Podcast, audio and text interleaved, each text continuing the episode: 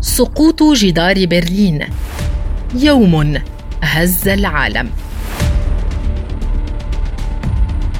بعد أكثر من 28 عاماً على بناء جدار برلين لتقسيم ألمانيا بين المعسكر الشرقي والغربي بث تلفزيون ألمانيا الغربية تقريرا عن نية السلطات الشيوعية في ألمانيا الشرقية بتخفيف قيود السفر على مواطنيها.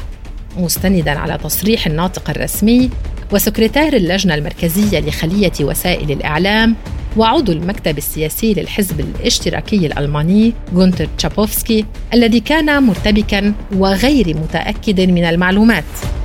فأشار إلى أن قيود التنقل بين الألمانيتين قد رفعت أثناء حوار إعلامي.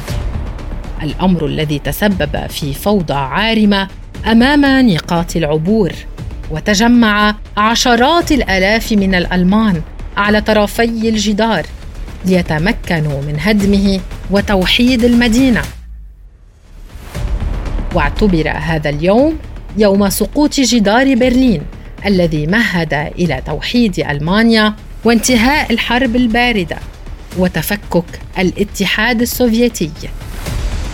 كان ذلك في التاسع من نوفمبر 1989